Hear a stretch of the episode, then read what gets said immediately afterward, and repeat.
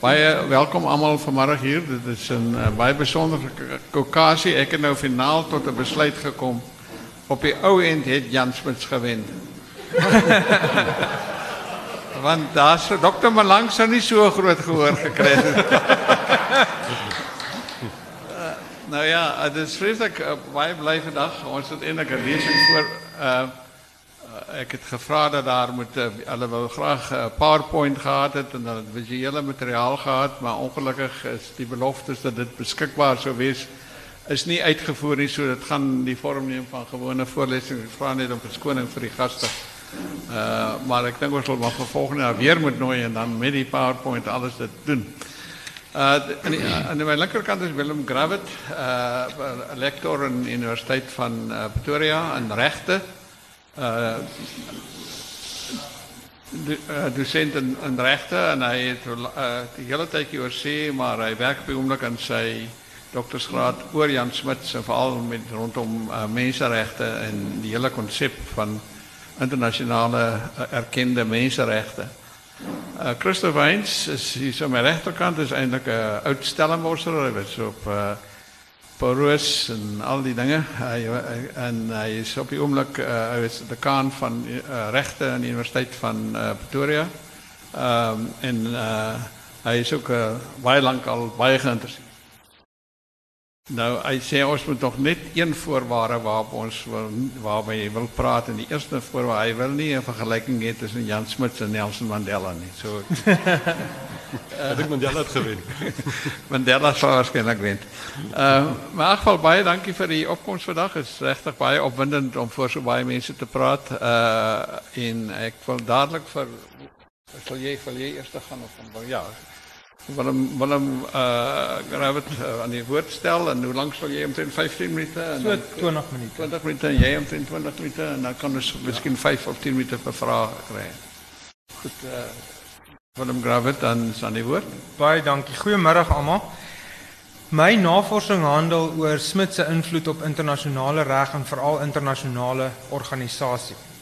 Nou 'n sleutelkenmerk van die internasionale reg is die dualisme of die Janus gesig daarvan want state onderskryf en beloof dikwels die nakoming van utopiese ideale maar hulle streef te gelyke tyd hulle eie belang na en hulle regverdig dit as die voorskrifte van realpolitiek en ons das word van na hierdie verskynsel in die gedrag van state verwys as die gaping tussen retoriek en realiteit of as die afstand tussen visie en realiteit En dit lei tot die vraag, hoe moet die hoeksteen van internasionale reg en orde, die Verenigde Nasies, hoe moet dit nou verstaan word?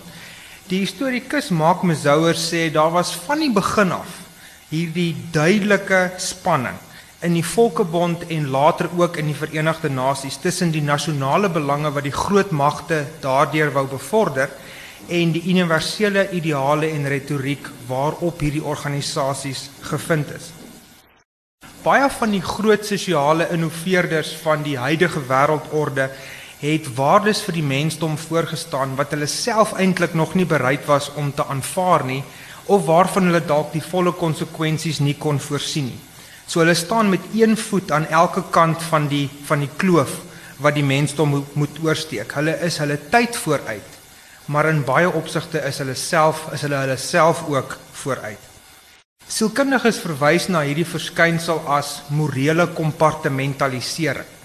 Die sielkundige Steven Pinker en die menseregte kenner Paul Gordon Lauren, hulle wys op die soms verrassende dubbelslagtige moraliteit van die sogenaamde progressiewe Amerikaanse presidente van die laat 19de en vroeg 20ste eeu.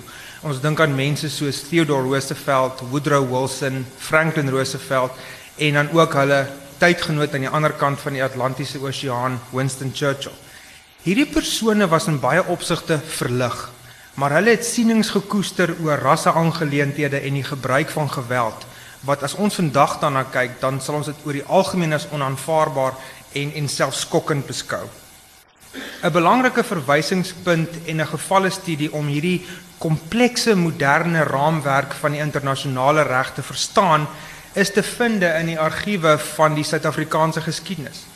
Afwesig van talle weergawe van die ontwikkeling van internasionale reg in die vroeg 20ste eeu en iets wat eers onlangs erken is, is die rol van een van die hoofouteurs van die verdrag van die Volkebond en die persoon wat die aanhef tot die handves van die Verenigde Nasies geformuleer het. En hierdie persoon is die kontroversiële en visionêre Suid-Afrikaanse regsgeleerde en staatsman Jan Christian Smuts. Nou in terme van die impak wat Smuts gehad het op die eerste helfte van die 20ste eeu in Suid-Afrika en in die wêreld, kan hy waarskynlik net vergelyk word wat ons nie moet doen nie, maar met die ikoon van die tweede helfte van daardie eeu, sy tydgenoot, sy landgenoot Nelson Mandela, maar terwyl laasgenoemde altyd 'n ikoon van die moderne era sal bly, het die naam van eersgenoemde grootliks in vergeetlikheid geraak, veral internasionaal. En waarom en hoe dit gebeur het, is 'n fascinerende verhaal wat 'n blik werp nie net op die evolusie van internasionale stelsels en menslike geskiedenis nie, maar waarskynlik ook op die werking van die menslike gees. Want soos sy tydgenote wêreldwyd na week vroeër verwys het, vergestal Smuts die uiteenlopende en die teenstrydige impulse van sy era. Die spanning tussen idealisme en wat hy gesien het as die voorskrifte van pragmatisme, tussen 'n visie vir 'n meer inklusiewe wêreld en sy eie rasse vooroordeele. Die, die die realiteit is dat Smuts 'n sentrale figuur was van die twee morele teenpole van die 20ste eeu. Aan die een kant rassesegregasie en aan die ander kant die internasionale menseregte stelsel. Sy betrokkeheid by beide was nie die passie van sy lewe nie en dit is maklik om sy rol te te te ehm um, oordryf. Maar die invloed wat hy uitgeoefen het op beide hierdie teenpole kan nie ontken word nie. Die triomf, maar ook die beperking uh van Smit se visie vir die mensdom en dalk ook die tragedie van sy lewe kry nêrens beter vergestalting as in die verhaal van hoe hy teen die einde van die Tweede Wêreldoorlog 'n uh, aanhef tot die handves van die Verenigde Nasies geformuleer het wat hierdie internasionale liggaam op die pad geplaas het om wêreldvrede te beskerm deur fundamentele menseregte na te streef. Dit was 'n tyd toe daarvan Smits gesê is even the great thought he was great. Smit se benadering tot die staat en uiteindelik internasionale politiek weerspieël sy filosofie van holisme en evolusie. Beweging is altyd vanaf 'n kleiner na groter en dan 'n nog groter geheel. Hierdie patroon het vir die eerste keer uitstalting gevind in um, toe daar in Desember 1906 selfregering aan die Transvaal toegeken is. Smits en sy premier-generaal Louis Botha het daarna die dryfvere geword vir uniewording, die soort die tweede stap. Daarna het Smits sy blik gewerp op die wêreld buite Suid-Afrika en in 1917 het hy die transformasie van die Britse ryk in die Britse Statebond bepleit. En tydens die Eerste Wêreldoorlog het Smits die inherente potensiaal begin raak sien van die holistiese meganisme vir die totstandkoming van 'n internasionale organisasie, die Volkebond. En dit was terwyl hy lid was van die oorlogskabinet van David Lloyd George, die destydse Britse premier, dat 'n oorheersende passie in Smits ontwaak het en dit was sy ideaal vir 'n Volkebond. Lloyd George het Smith se vermoëns en sy idealisme geweldig hoog op prys gestel en hy het toe 'n beroep gedoen op op Smith om 'n verslag saam te stel oor die moontlikheid van 'n Volkebond. Smith het sy Volkebond pamflet op 16 Desember 1918 voltooi by Banbury weg 102 in Oxford by die huis van sy kwykervriende Arthur en Margaret Gillette terwyl hy aangesterk het van griep. In 21 voorstelle aangevul deur paragrawe van verduideliking en kommentaar het the League of Nations a practical suggestion uh, die uitvoerbaarheid van die Volkebond as ook 'n volledige konstitusionele model vir 'n Volkebond daargestel. Lloyd George het 'n practical suggestion geprys as die indrukwekkendste staatkundige uiteensetting wat hy gedurende die oorlog gesien het. En alhoewel Lloyd George duidelik beïndruk was met Smith se retoriek, was daar baie min ondersteuning in die imperiale oorlogskabinet um vir 'n volkebond model wat die sekuriteit van die Britse ryk sou toevertrou aan die ongetoetste stelsel van internasionalisme. Maar Brittanje was op daardie stadium nie meer die mees invloedryke land in die wêreld nie. En die oorlog het Smith in kontak geplaas met die persoon wat daai posisie sou inneem. En wat dan ook Europese waardes as westerse waardes sou verdedig. So Smith se pad na die groter geheel vanaf 'n plaas aan die suidpunt van Afrika deur die sentrum van die taanende Britse ryk het nou geloop na die opkomende mag van die 20ste eeu, die Verenigde State van Amerika, waar die hy sy idees oor die skepping van 'n wêreldorganisasie sou loods. Smith se practical suggestion het 'n onmiddellike en 'n verrykende invloed gehad op president Woodrow Wilson van Amerika. Wilson was veral meegevoer deur Smith se stelling Europe is being liquidated and the League of Nations must be the heir to this great estate. In Smith se practical suggestion het Wilson nie net 'n idealisme gevind wat soortgelyk was aan sy eie nie, maar hy het ook 'n begrip gesien van die politieke realiteite wat sy gedagtes gekristalliseer het oor verskeie aangeleenthede wat tot op daai stadium vir hom nog net vae idees was. In sy invloedryke boek op internasionale organisasies Swords into Plowshares skryf Claude Ju uh, Ines Claude Jr dat Smith en Wilson saam met Lord Robert Cecil die titel Fathers of the League verdien. Nou spring ons van 1919 tot 1945, die tweede kans om 'n groot wêreldorganisasie tot stand te bring.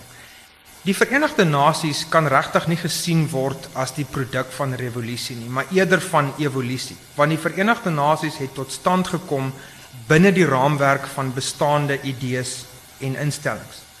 Toe die amptenare van die Amerikaanse Departement van Buitelandse Sake in 1942 begin om in breë trekke voorstelle vir 'n nuwe wêreldorganisasie op te stel, het hulle gevind dat Smith se practical suggestion nog van toepassing was tot 'n verrassende mate.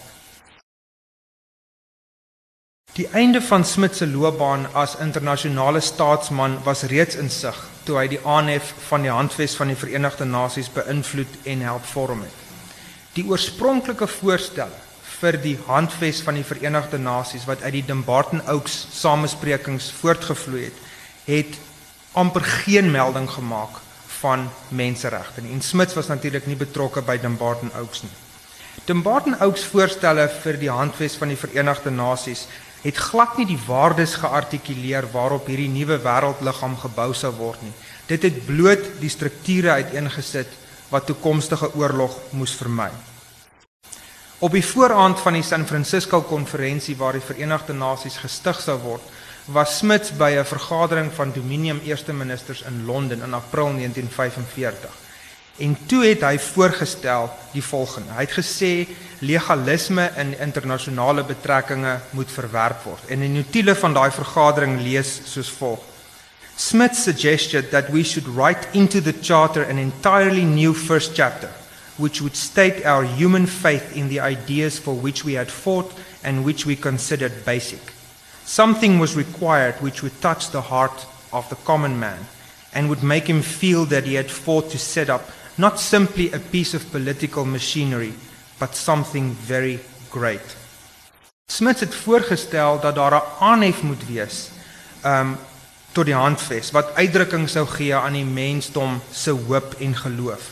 So Smith het onder andere voorgestel dat die aanhef die volgende bepaling moet bevat: we declare our faith in basic human rights, in the sacredness, essential worth, and integrity of the human personality. Die belangrikheid van die woord menseregte wat glad nie in die verdrag van die Volkebond voorgekom het nie, is aangedui deur die sentrale posisionering daarvan in die tweede paragraaf van die finale weergawe van die aanhef. En in teenstelling met die Dumbarton Oaks voorstelle het die konsep van menseregte nou 'n sentrale tema gevorm dwars deur die handves van die Verenigde Nasies. Die gedeelte van die aanhef wat lui dat die volkere van die Verenigde Nasies vasberade is to reaffirm faith in fundamental human rights in the dignity and worth of the human person. Dit word aangehaal, geparafraseer of na verwys in byna al die naoorlogse menseregte instrumente tot vandag toe. Smith het waarskynlik die piek van sy loopbaan as internasionale staatsman bereik toe hy namens die Unie van Suid-Afrika in 1945 'n stigterslid van die Verenigde Nasies geword het. Smith het die eerste vergadering van die algemene vergadering van die Verenigde Nasies in 1946 bygewoon om te versoek dat um, Suidwes-Afrika by die Unie geïnkorporeer moet word. Keith Hancock, uh, Smith se primêre biografis, het opgemerk dat Smith waarskynlik sonder enig veel kwalike gevolge Suidwes-Afrika maklik net sou kon annekteer, maar dat sy teenwoordigheid by die Verenigde Nasies 'n teken was van sy respek as 'n regsgeleerde, as 'n internasionalis en as 'n konstitusionalis vir die bepalinge van die internasionale reg. Op Indië se aandrang het die algemene vergadering die inkorporasie van Suidwes-Afrika by die Unie verwerp met 37 stemme teenoor 9. En die Indiese afvaardiging onder leiding van mevrou Pandit het boonop Smith se eie woorde, menseregte, teen hom gebruik om die Suid-Afrikaanse regering te kritiseer vir die behandeling van Indiërs in Suid-Afrika. Smith het nie 'n goeie of selfs 'n slegte teenargument hiervoor gehad nie. Sy hele saak was gebaseer op die legalistiese argument dat die betrokke wetgewing binne Suid-Afrika se nasionale jurisdiksie geval het en dat volgens artikel 27 van die VN Handves daar nie inbreuk gemaak mag word op 'n land se nasionale jurisdiksie nie. Die persoon wat verantwoordelik was vir die bekendstelling van die konsep van menseregte in die taal en die politiek van die Verenigde Nasies word toe ook die eerste persoon wat as 'n menseregte skender gebrandmerk is. Smith het 'n diepgaande en verrykende invloed gehad op die ontwikkeling van internasionale reg en internasionale organisasie, kortom hoe die wêreld vandag daar uitsien. In die proses was hy 'n dromer, maar hy was ook 'n politikus, iemand met 'n verbasende vermoë om in sekere opsigte ver vooruit te sien, maar ten minste uit die hoek beskou van iemand wat terugkyk, ook in sekere opsigte merkwaardig stiksienig. Mens kan nie anders nie ten minste van waar ons nou staan as om met gemengde gevoelens na Smit se nalatenskap te kyk. Daar was hier verstommende prestasies, maar ook duidelike tekortkominge. Die vraag is dan, hoe bring 'n mens die twee kante bymekaar? Kan een mens 'n leier wees van rassesegregasie en terselfdertyd ook van die internasionale menseregte stelsel? Die twee morele teenpole van die vorige eeu kan dualisme en hierdie morele kompartementalisering kan dit so ver gaan.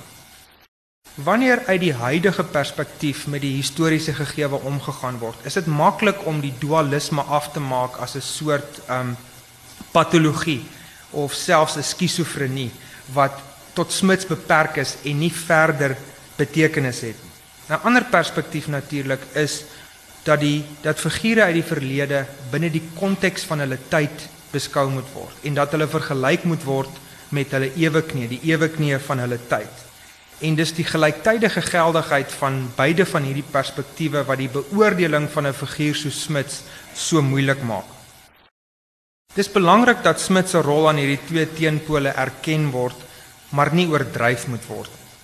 Want aan die menseregte kant was sy begrip van menseregte waarskynlik nie so ver ontwikkel as wat ons die begrip vandag ken nie.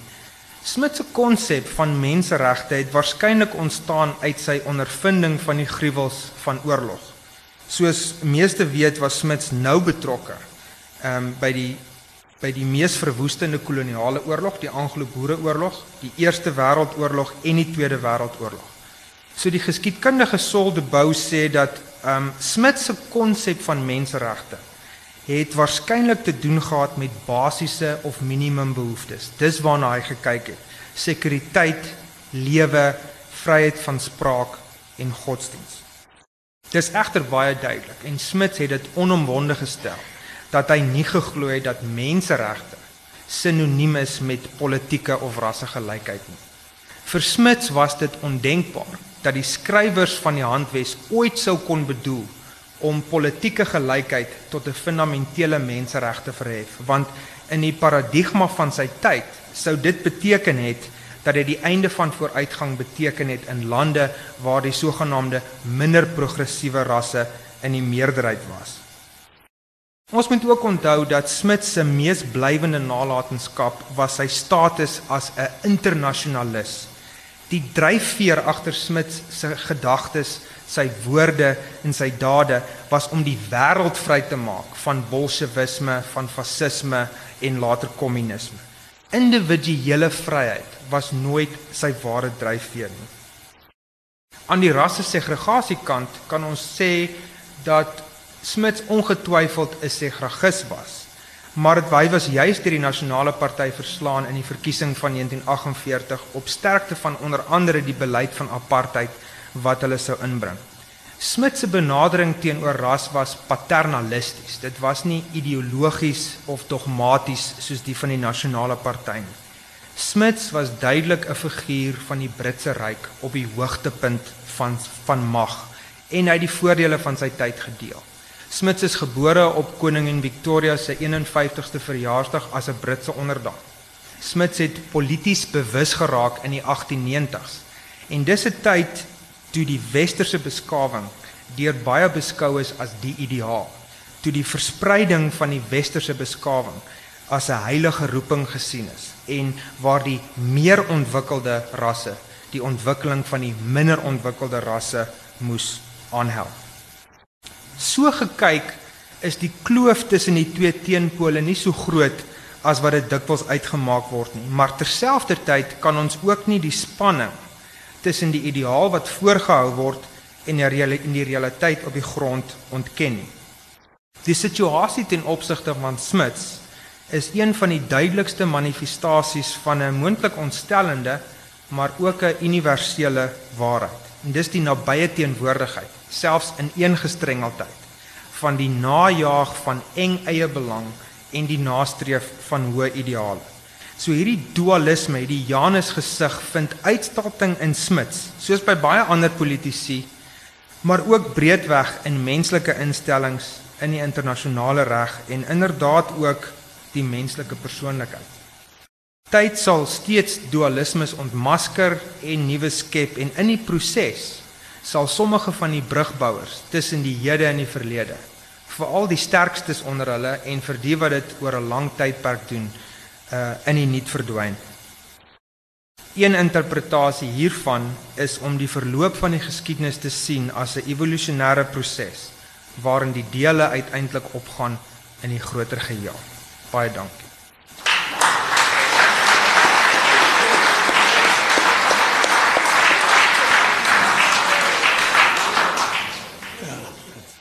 Dankie. Dankie. Ehm um, baie verhelderend. Uh, ek wil graag vir Christof Heinz in die woord stel. Baie dankie Herman. Nou baie dankie vir die geleentheid om hier te praat. Soos Herman genoem het, ek kom eintlik van hier af en en was hy noem ek was op Paul Roos. Ehm um, toe ek net in die straat afstap, toe sien ek die ander skool waarop ek was, is Bloemhof Meisies Laar. Ehm um, op daai stadium was dit A en se B was nog hier gewees. Dis 'n feit wat my seun op strategiese tye graag noem van van van tyd tot tyd. Um, maar dis natuurlik ook die plek waar Smits 'n uh, groot deel van sy jeug deurgebring het toe hy hierso matriek uh, kom skryf het soos op daai stadium die die tradisie was en toe hy studeer het en na, na die tyd na na Cambridge toe was. Ehm um, wil drie dinge doen. Ehm um, wil sê ietsie sê oor die navorsing wat ons besig is om oor Smits te doen. En dan die tweede plek wil ek sê hoekom ek dink dit is 'n interessante onderwerp en dan in die derde plek eintlik ook aansluit by wat Willem gesê het Ehm um, miskien 'n paar idees hoe om Smits te verstaan van van uit vandag se perspektief uit. In die eerste plek dan wat ons doen. Ehm um, Willem soos genoem doen sy doktorsgraad by my oor oor Smits se se invloed op die internasionale regse ontwikkeling. Ehm um, dis iets wat ek baie lank voor gehoop het is om 'n doktorsgraad student te kry wat kom en spesifiek daarop werk en hy het nou ook laas jaar ehm um, in die in Genève in die argiewe van die Volkebond 'n paar maande deurgebring en by die VN in New York ook. Ehm ons werk ook saam met uh, Charles Comley uh, in die weermag wat nou lyk dit met die laaste 20 jaar omtrent dis sy groot passie om uh, materiaal oor Smits bymekaar te maak, foto's en en met en en ander materiaal daaroor en ons het assistent ook aangestel wat nou stelselmatig kyk na al die in Suid-Afrika saam met Comley. Ehm en dan het ons ook deur die familie van Smits het ons ehm die materiaal die die fotomateriaal, filmmateriaal uh, wat hulle het oor sy lewe in Suid-Afrika het ons daarvan die, die, die kopie gekry en ook deur sy familie in in Strand in Engeland ehm um, het ons die die uh uh videomateriaal gekry um, van Clark skoene, die familie afstammeling van van Smith wat die Clark skoene ehm um, uh, bedryf ehm um, en die die filmmateriaal wat hulle daar het. So wat ons graag wil doen is is street ja, ja, street ja, in street in Engeland waar waar Clark is.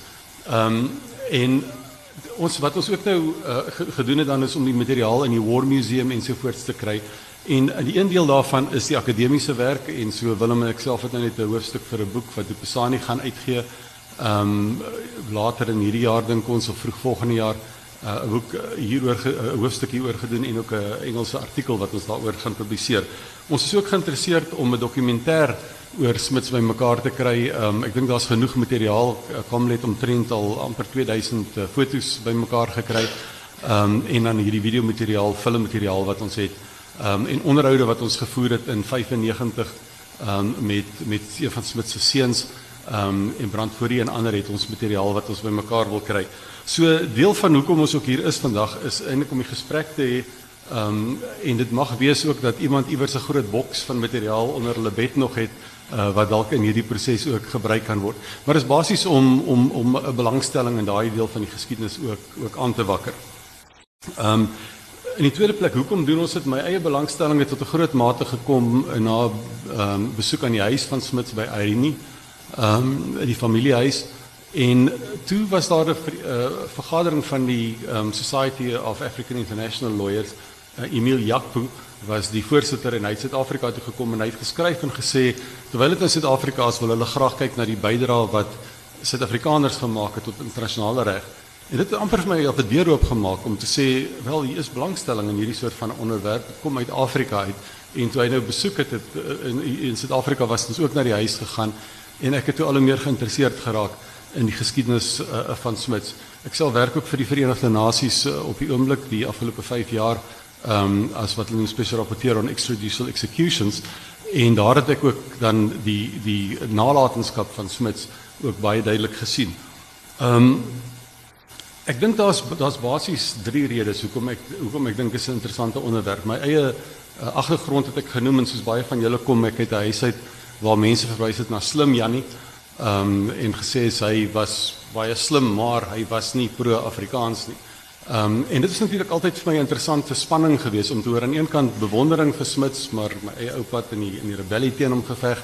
Ehm um, hoe hoe kom daai tipe spanninge bymekaar? Hoekom die spanning bymekaar wat 'n mens in Mandela se boek byvoorbeeld ook Long Walk to Freedom wat 'n mens skryf waar hy skryf dat hy toe by Fort Hare student was, het hy gaan luister na Smits met wie hy saamgestem het oor sy internasionale beleid, maar glad nie saamgestem het oor sy beleid in Suid-Afrika nie. Daar hoe bring jy daai spanning bymekaar? Ek dink is ook baie interessant as mens kyk na die geskiedenis van die VN wat hierdie jaar 70 is. Ehm um, die mense wat skryf oor die geskiedenis daarvan tot 'n groot mate noem nie die geskiedenis wat Willem nou hier genoem het nie. Dis amper of dit uitgetipiks of uitgephotoshop is. Ehm um, en dit is natuurlik baie interessant om vir myself af te vra hoe werk sulke dinge? Want tot 'n mate is dit sodat die die wêreld gaan aan en en en jy pas aan en jy moet nuwe realiteite moet jy in ag neem. Maar dis daai spanning van kyk jy na die geskiedenis van nou af terug of kyk jy na die geskiedenis van toe af in hierdie rigting? En ek dink daai spanning vir my is ook baie interessant net om die geskiedenis van die VN beter te verstaan. Ehm um, Mazouer uh, het Willem genoem het 'n boek geskryf Nou Enchanted Palace wat 'n paar jaar gelede uitgekom het uh, wat ek dink wat weer Smit se se rol belig het heel krities ook daaroor maar ehm um, ek dink wat wat 'n is van van groter betrokkenheid by hierdie deel van die geskiedenis en geskiedskrywing ook uh, van die van die VN. En dis daai hele kompleksiteit wat ek dink vir my een van die redes is van die van hoekom hierdie onderwerp so interessant is. Ek dink uit 'n Afrikaanse hoek uit is dit ook interessant. As 'n mens sien dat daar daar's gesprekke oor uh wie is die Afrikaner of wie is die grootste Afrikaner? Is dit nou Steve Hofmeyer of is dit nou wie ook al? Ehm dan dan is mense vir my interessant om te sê party mense sou die Afrikaners sien as die kinders van Verwoerd en die kinders van van uh, Melandus genoem en so aan. En dan is daar ook dink ek daarby is daar natuurlik die Louis Botas en daar's die Jan Smit se ensovoorts. So as 'n mens op 'n manier dink aan wie is hierdie kulturele groep nou, dan dink ek dit is tot 'n mate presies wat gebeur het op die internasionale front dat Smith eintlik uitgephotoshop is dat ook in die Afrikaner se geskiedenis vir redes wat aan ons aan, aan ons almal bekend is of in die Suid-Afrikaanse geskiedenis is dit ook 'n plek wat eintlik leeg staan. Maar die Afrikaner het nie 'n vreeslike groot belang gehad daarbey om vir 'n klomp jare om nou terug te verwys na wat Smith gedoen het nie. Uit Engels geleerdere is daar nie 'n groot belang daarbey nie en natuurlik uit swart geleerdere ook nie. En tot tot 'n mate dink ek is daai deel van die geskiedenis verswyg en ek dink dit is ook deel van wat dit dan interessant maak. Ek sou ek sou uh, ek ek weet die die opskrif is dat ons kyk na anderste helde. Vir, vir my is dit nie eintlik so seer dat mense dink oor helde of so nie, maar dit mense kyk na wat maak die prentjie vol? Wat is mense wat 'n rol gespeel het en wat was hulle rol geweest? Wat was hulle tekortkominge? Wat was uh, wat was die bydraes wat hulle gemaak het? In die derde plek dan hoe om Smits te verstaan. En ek dink natuurlik die eerste vraag is presies die ene wat ons al tot 'n mate oor gepraat het. Hoe bring jy hierdie twee verskillende wêrelde bymekaar? Iemand wat gesien is as 'n leier van wit Suid-Afrika en apartheid een van die groot morele kwessies van die vorige eeu, aan die ander kant 'n leier in menseregte. Ehm um, die persoon wat wat werklik die woord of die term menseregte gebring het van iets wat in filosofie gebruik is, natural rights, human rights, ehm um, maar hoofsaaklik in filosofie en in die huishoudelike regstelsels van lande. Ehm um, maar dit toe gebring het op die internasionale vlak. En as dit nie vir hom was nie, dink ek kan 'n mens duidelik sê dat die voorstelle wat aanvanklik gemaak is voordat hy na Engeland toe gegaan het en gesê het ons moet die term menseregte inbring voordat hy geskryf het we must save succeeding generations from the scourge of war um, en dan die die frase van die beskerming van fundamental rights um, dat dit nie daar sou gewees nie. En daar's 'n baie interessante geskiedenis ook oor hoe die begrip waardigheid die dignity in die voorwoord van die VN gekom het. En in die in die werk wat ek vandag vir die VN doen uh goeie soos die die kwessie van van drones ehm um, van van afstandbeheerde wapens ehm um, autonomous weapon systems robotte wat self besluit uh wanneer iemand wanneer geweld teen iemand gebruik moet word kom die begrip waardigheid soos in baie ander aspekte kom die begrip waardigheid elke keer weer na vore. Baie interessante geskiedenis hoe Smits eintlik geskryf van human personality en toe in die in die ehm um, eintlik redigeringsproses van die voorwoord die woord waardigheid toe bygekom het. Ehm um, maar die inhoud wat gegee is aan die term menseregte baie vaak konsep op daai stadium wat toe later gekom het deur die begrip menseregte uh, en die begrip waardigheid byvoorbeeld in spesifieke gevalle dan te interpreteer. En dan natuurlik om die begrip menseregte van toepassing te maak op wat in lande huishoudelike politiek gebeur soos byvoorbeeld dan um, spesifiek uh, Suid-Afrika. So aan een kant die die kwessie van Smits as iemand wat geassosieer word met apartheid Aan die ander kant die groot ander morele teepool van die 20ste eeu, 'n menseregte en die botsing tussen daardie twee konsepte dan en en hy wat in beide van hulle dan 'n groot rol gespeel het. En ek dink dit is as 'n vertrekpunt is dit iets wat wat wat ek dink onderliggend ook is aan wat Mandela gesê het oor Smits en onderliggend is aan hoe baie mense vandag vir Smits sien. Hoe bring jy hierdie dinge bymekaar? Ek dink as 'n mens kyk na sy houding oor apartheid, dan is dit natuurlik soos Willem ook gesê het, dat hy kom eintlik uit die voorformele apartheid era en as mens kyk na die verkiesing van van 48 sy verwerping van die van die dogmatiese benadering van apartheid Smit se benadering geen kwessie sy rasse vooroordeele nie maar sy benadering een wat miskien meer as paternalisties beskou kan word en dan in 'n vroeë brief wat hy aan John X Merriman geskryf het waar hy sê dat die rasse kwessie in Suid-Afrika het hy genoem die Sphinx problem hy het gesê dis 'n probleem waar daar sterker skouers en 'n meer formidabele intellek sal moet kom eendag om daai probleem op te los. Dis 'n probleem wat hy graag sal wil uitstel. In lyn met sy benadering van van 'n uh, um let things develop. Um dat hy nie die finale woord oor apartheid wil spreek nie. Um wat dan dink ek tot 'n mate maak dat as jy mens sien dit sien as twee twee pole wat nie versoen kan word nie dat dit miskien 'n verkeerde beskouing is om hom in eerste plek as 'n verteenwoordiger van apartheid soos ons dit later leer ken te sien maar dat hy definitief daai rasse vooroordeele gedeel het, maar dat hy baie minder dogmaties daaroor was as diegene wat hom verslaan het in in 48. Maar aan die ander kant die kwessie van menseregte, duidelik sy begrip van menseregte nie die begrip van menseregte wat ons vandag het nie. Ek dink as 'n kind van sy tyd, ehm um, hy was ook ook baie betrokke by by die binne in die Verenigde Nasies se handves artikel 27 wat die apartheidsregering vir baie lank gebruik het en baie ander regerings vandag nog gebruik om te sê dat die VN mag nie in huishoudelike sake inmeng nie. En tipies soos internasionale reg op daai stadium was, is dit gesien as die reg wat die verhouding tussen state reguleer het. Vandag dink ons baie anders daaraan. Ons dink as internasionale reg as iets wat ook behalwe die verhouding tussen state ook die regte van onderdaan en state reguleer. Op daai stadium is dit nie internasionale reg gesien het nie. Gesien is nie. En wat dit dan beteken is dat sy begrip van menseregte is nie so seer dat menseregte, dit lyk dit vir my 'n reg is wat 'n onderdaan teen daai onderdaanse regering het nie, maar dit is 'n stel norme wat van toepassing is op hoe regerings optree. En wat dit op neerkom in praktiese terme is 'n inval in 'n land soos Joegoslawië of in Poland. Dit is presies wat Smits ervaar het en wat hy gesê het wat nie moet gebeur nie. Dat ons nie moet 'n situasie waar een land oorlog maak teen 'n ander land en die regte van ander mense um in die proses verbreek nie. Die hele dimensie van aanspreeklikheid binne jou eie landsgrense is nie iets wat op daai stadium binne Smits of wie ook al in in die internasionale reg geskryf het um voor voorkeur gekry het nie. Dis 'n ontwikkeling wat gekom het en wat ek dink wat nie voorsien was deur mense so Smits wat die gedagte van menseregte toe in internasionale reg ingebring het. Ek dink dit was meer van 'n ideaal wat hy gestel het. En as ons kyk na vandag se se se benadering tot menseregte, dink ek daar is baie duidelik twee twee elemente daar.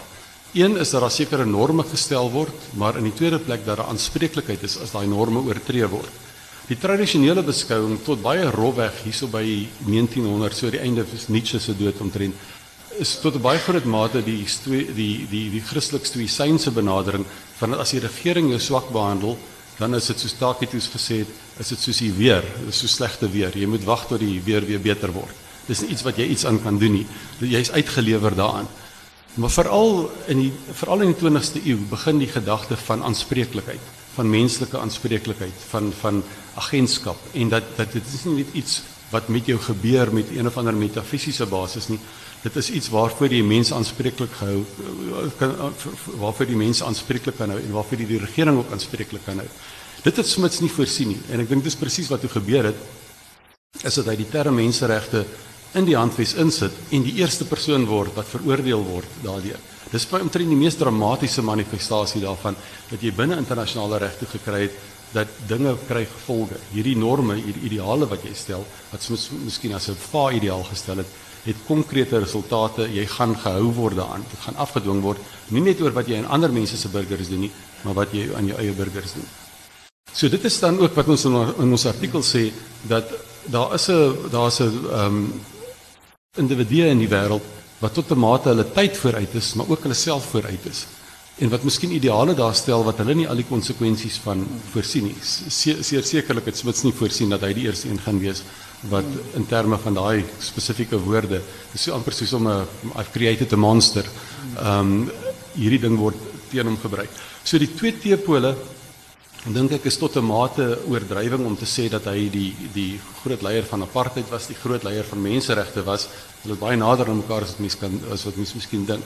Maar daar bly 'n spanning. Daar bly 'n 'n teenstrydigheid daar wat ek nie dink mense kan ontken nie. En dis die tweede punt wat ek wil wat ek wil noem en dis die Janus karakter en ehm, wat Willem ook na verwys het, is dat internasionale reg dink ek het altyd en internasionale verhoudinge het altyd daai dubbel tweeslagtigheid van dat dit jou eie belang is wat jy nastreef en dan ook tot 'n mate as dinge goed gaan 'n soort van 'n algemene ehm um, belang wat ook nagestreef kan word. En mens sien dit baie duidelik as ek nou maar dink aan drones byvoorbeeld binne die binne die uh, Verenigde Nasies op die oomblik een van die van die groot debatte wat daar aan die gang is. Amerika se benadering byvoorbeeld daar. Is dit 'n land wat in een geval argument sal maak dat die Menseregte Raad glad nie om mag uitspreek oor dit wat gebruik word in gewapende konflik nie omdat hulle die gebruik van drones in Afghanistan en in Pakistan en sovoorts nie bespreek wil hê nie. Sal baie maklik sê ja, maar ons moet praat oor die kwessie van menseregte as dit gaan oor Sri Lanka of as dit gaan oor Sirië of oor ander lande. Dis daai dubbelslagtigheid wat ek dink wat nie beperk is tot 'n spesifieke individu tot Smits nie, maar eintlik reg deur die internasionale verhoudinge strek, maar ook miskien deel is van die menslike persoonlikheid en dis nie iets wat ek in 'n in 'n in 'n posisie is om veel oor te sê nie, maar dit lyk vir my asof dit so is dat binne men, die menslike persoonlikheid dat daar altyd daai vermenging is van dat jy jou eie belang tot 'n mate moet versoen met die met die breër belang. Dit is ook baie interessant om te sien hoe menseregte oor jare ontwikkel het en juis hierdie dualisme 'n rol speel dat die Amerikaanse grondwet hierdie ideaal van equal protection of the laws gestel 100 jaar voordat dit werklikheid geword het. En dit is wat Ronald Dworkin praat van die gravitational pull van ideale. Grondwet is dikwels so en internasionale reg is ook dikwels so. Dit stel 'n ideaal wat almal wat betrokke is weet dit is 'n soort van 'n fa ideaal wat ons by wil uitkom. Nou as die gaping tussen ideaal en die realiteit te groot word, dan dink ek word almal sinies en dan sê mense dis is amper kontraproduktief. Maar as die gaping nie te groot is nie, dan is daar 'n is daar 'n produktiewe spanning. Daar is 'n 'n sekere kreatiewe krag wat daar uitkom uit hierdie gravitational pull wat Ronald Dworkin van praat. Dat jy stel 'n ideaal wat miskien heeltemal realisties is nie. Um en dan geleidelik vang die werklikheid op met met daardie ideaal. So mense wat voor hulle tyd is, miskien ook voor hulle self is. Um maar ek dink ook belangrik daarvan um oor as as mens praat oor oor internasionale reg is ook om en internasionale verhoudinge is om te sien dat niks werklik onskuldig is nie. uh, Lande mag die terme gebruik en ons almal doen dit ook in ons eie grondwet doen ons dit. Ons stel hierdie groot ideale, maar daar's altyd ook eie belang wat 'n rol speel. En daarom dink ek die realistiese benadering tot internasionale reg is waarskynlik die een wat 'n mens die verste vat om te sê moet dit nie op gesigwaarde vat nie. Daar's altyd eie belang wat 'n rol daar speel. -hmm. Miskien een of twee punte net nog en dan en dan is ek uh, by die einde. Die die die volgende punt is dat ek dink Smit se verhaal gee mense ook 'n baie interessante perspektief op die geskiedenis en ek het al daarna verwys. Is kyk jy na die geskiedenis van vandag af terug want dan het jy dikwels 'n sekere doel wat jy daarmee wil bereik en jy sal sekere dinge beklemtoon en ander dinge nie beklemtoon nie. Of moet jy iemand beoordeel en nie net Smits nie, maar eintlik al ons voorouers en seker vir alle groepe dieselfde moet jy hulle in hulle tyd sien of moet jy hulle sien uit hierdie tyd? En ek dink jy moet beide doen. En dis amper dis onverzoenbaarhede, maar ek dink jy doen eintlik die werklikheid geweld aan as jy net van vandag af terugkyk. Jy doen ook waarskynlik die hede geweld aan as jy net uit daai uit die verlede uitkyk, maar dis daai twee wat jy bymekaar moet kry. Dan dink ek die tweede laaste punt wat ek wil maak is dat ek dink mens moet Smit sien ook in 'n reaksie op sy tyd. Die konflik wat hy beleef het, Anglo-Boereoorlog die Eerste Wêreldoorlog, die Tweede Wêreldoorlog, is tot 'n groot mate om dit maar so te noem wit gevegte waar, waar die grootste persentasie van die mense wit was. Hy het nie die werklike die latere stryd, die struggle in Suid-Afrika byvoorbeeld het hy beleef nie en ek dink tot 'n groot mate reageer mense op die stryd wat hulle werklik beleef. Die laaste punt wat ek wil maak is die is skakel miskien beste aan by die holistiese ehm um, gedagte van Smith dat die dat die uh, geheel groter is as die som van die dele. En dit is dat ek dink Smit het op 'n besondere tyd in die geskiedenis gekom waar waar as mens kyk na Ian Morris se boek byvoorbeeld oor war what is it good for wat hy beskryf die rol wat oorlog oor jare gespeel het. Ehm um, en baie kort ehm um, beklemtoon Morris dat daar eintlik deur die tyd het daar toe die toe mense verskuif het van 'n nomadiese bestaan tot 'n landbou bestaan, het daar sogenaamde caging plaasgevind waar mense aan 'n sekere grondgebied gekoppel is wat beteken hulle moet dit verdedig. En dan wanneer hulle in oorlog is met hulle bure volgens Morris se benadering is dat die mense wat wat beide die wenners en die verloorders van die oorlog is dikwels baie veiliger en baie ryker na die oorlog. Daar's eintlik 'n verandering wat gekom het toe die toe die wêreld as rond gesien is. Daar's nie meer grondgebied, dis nie oneindige grondgebied wat nog moontlik is nie. Die teesakke en die see soort van 'n uh, gevoel van dat dat dat dit word net eenvoudig verdun nie. Die wêreld het 'n sekere uh uh um grondgebied en mense moet daar binne moet hulle op 'n manier hulle probleme uitwerk. Nou die hele idee van wat as gevolg daarvan gebeur dat oorlog tot 'n mate tot tot 'n situasie kan lei waar daar groter stabiliteit met dit gekom het. En ons het die 70 jaar die sogenaamde long peace sedert die stigting van die VN bereik en dis in daai tydperk wat Smits gekom het waar eksponensiële groei in verskillende gebiede gebeur het wat ek dink baie nou uh verband hou ons kan miskien later verder daaroor praat maar die gedagte van holisme dat die geheel dat die wêreld as 'n geheel begin het um begin vorm aanneem met nie meer 'n oneindigheid nie maar dat binne dit is daar een morele uh, heelal waar binne mense is waar daar basiese reëls moet wees soos menseregte, basiese reëls in terme waarvan mense moet klaarkom wat op daai stadium nog nie duidelik was nie, maar begin het en deur die deur die bydrae wat iemand soos hy gemaak het mettertyd 'n eie roete gegaan het, 'n roete wat tot 'n mate hom verwerp het as brug daarna. Maar ek dink dan juist die idee van dat daar na 'n groter geheel toe beweeg. Baie dankie. Dankie.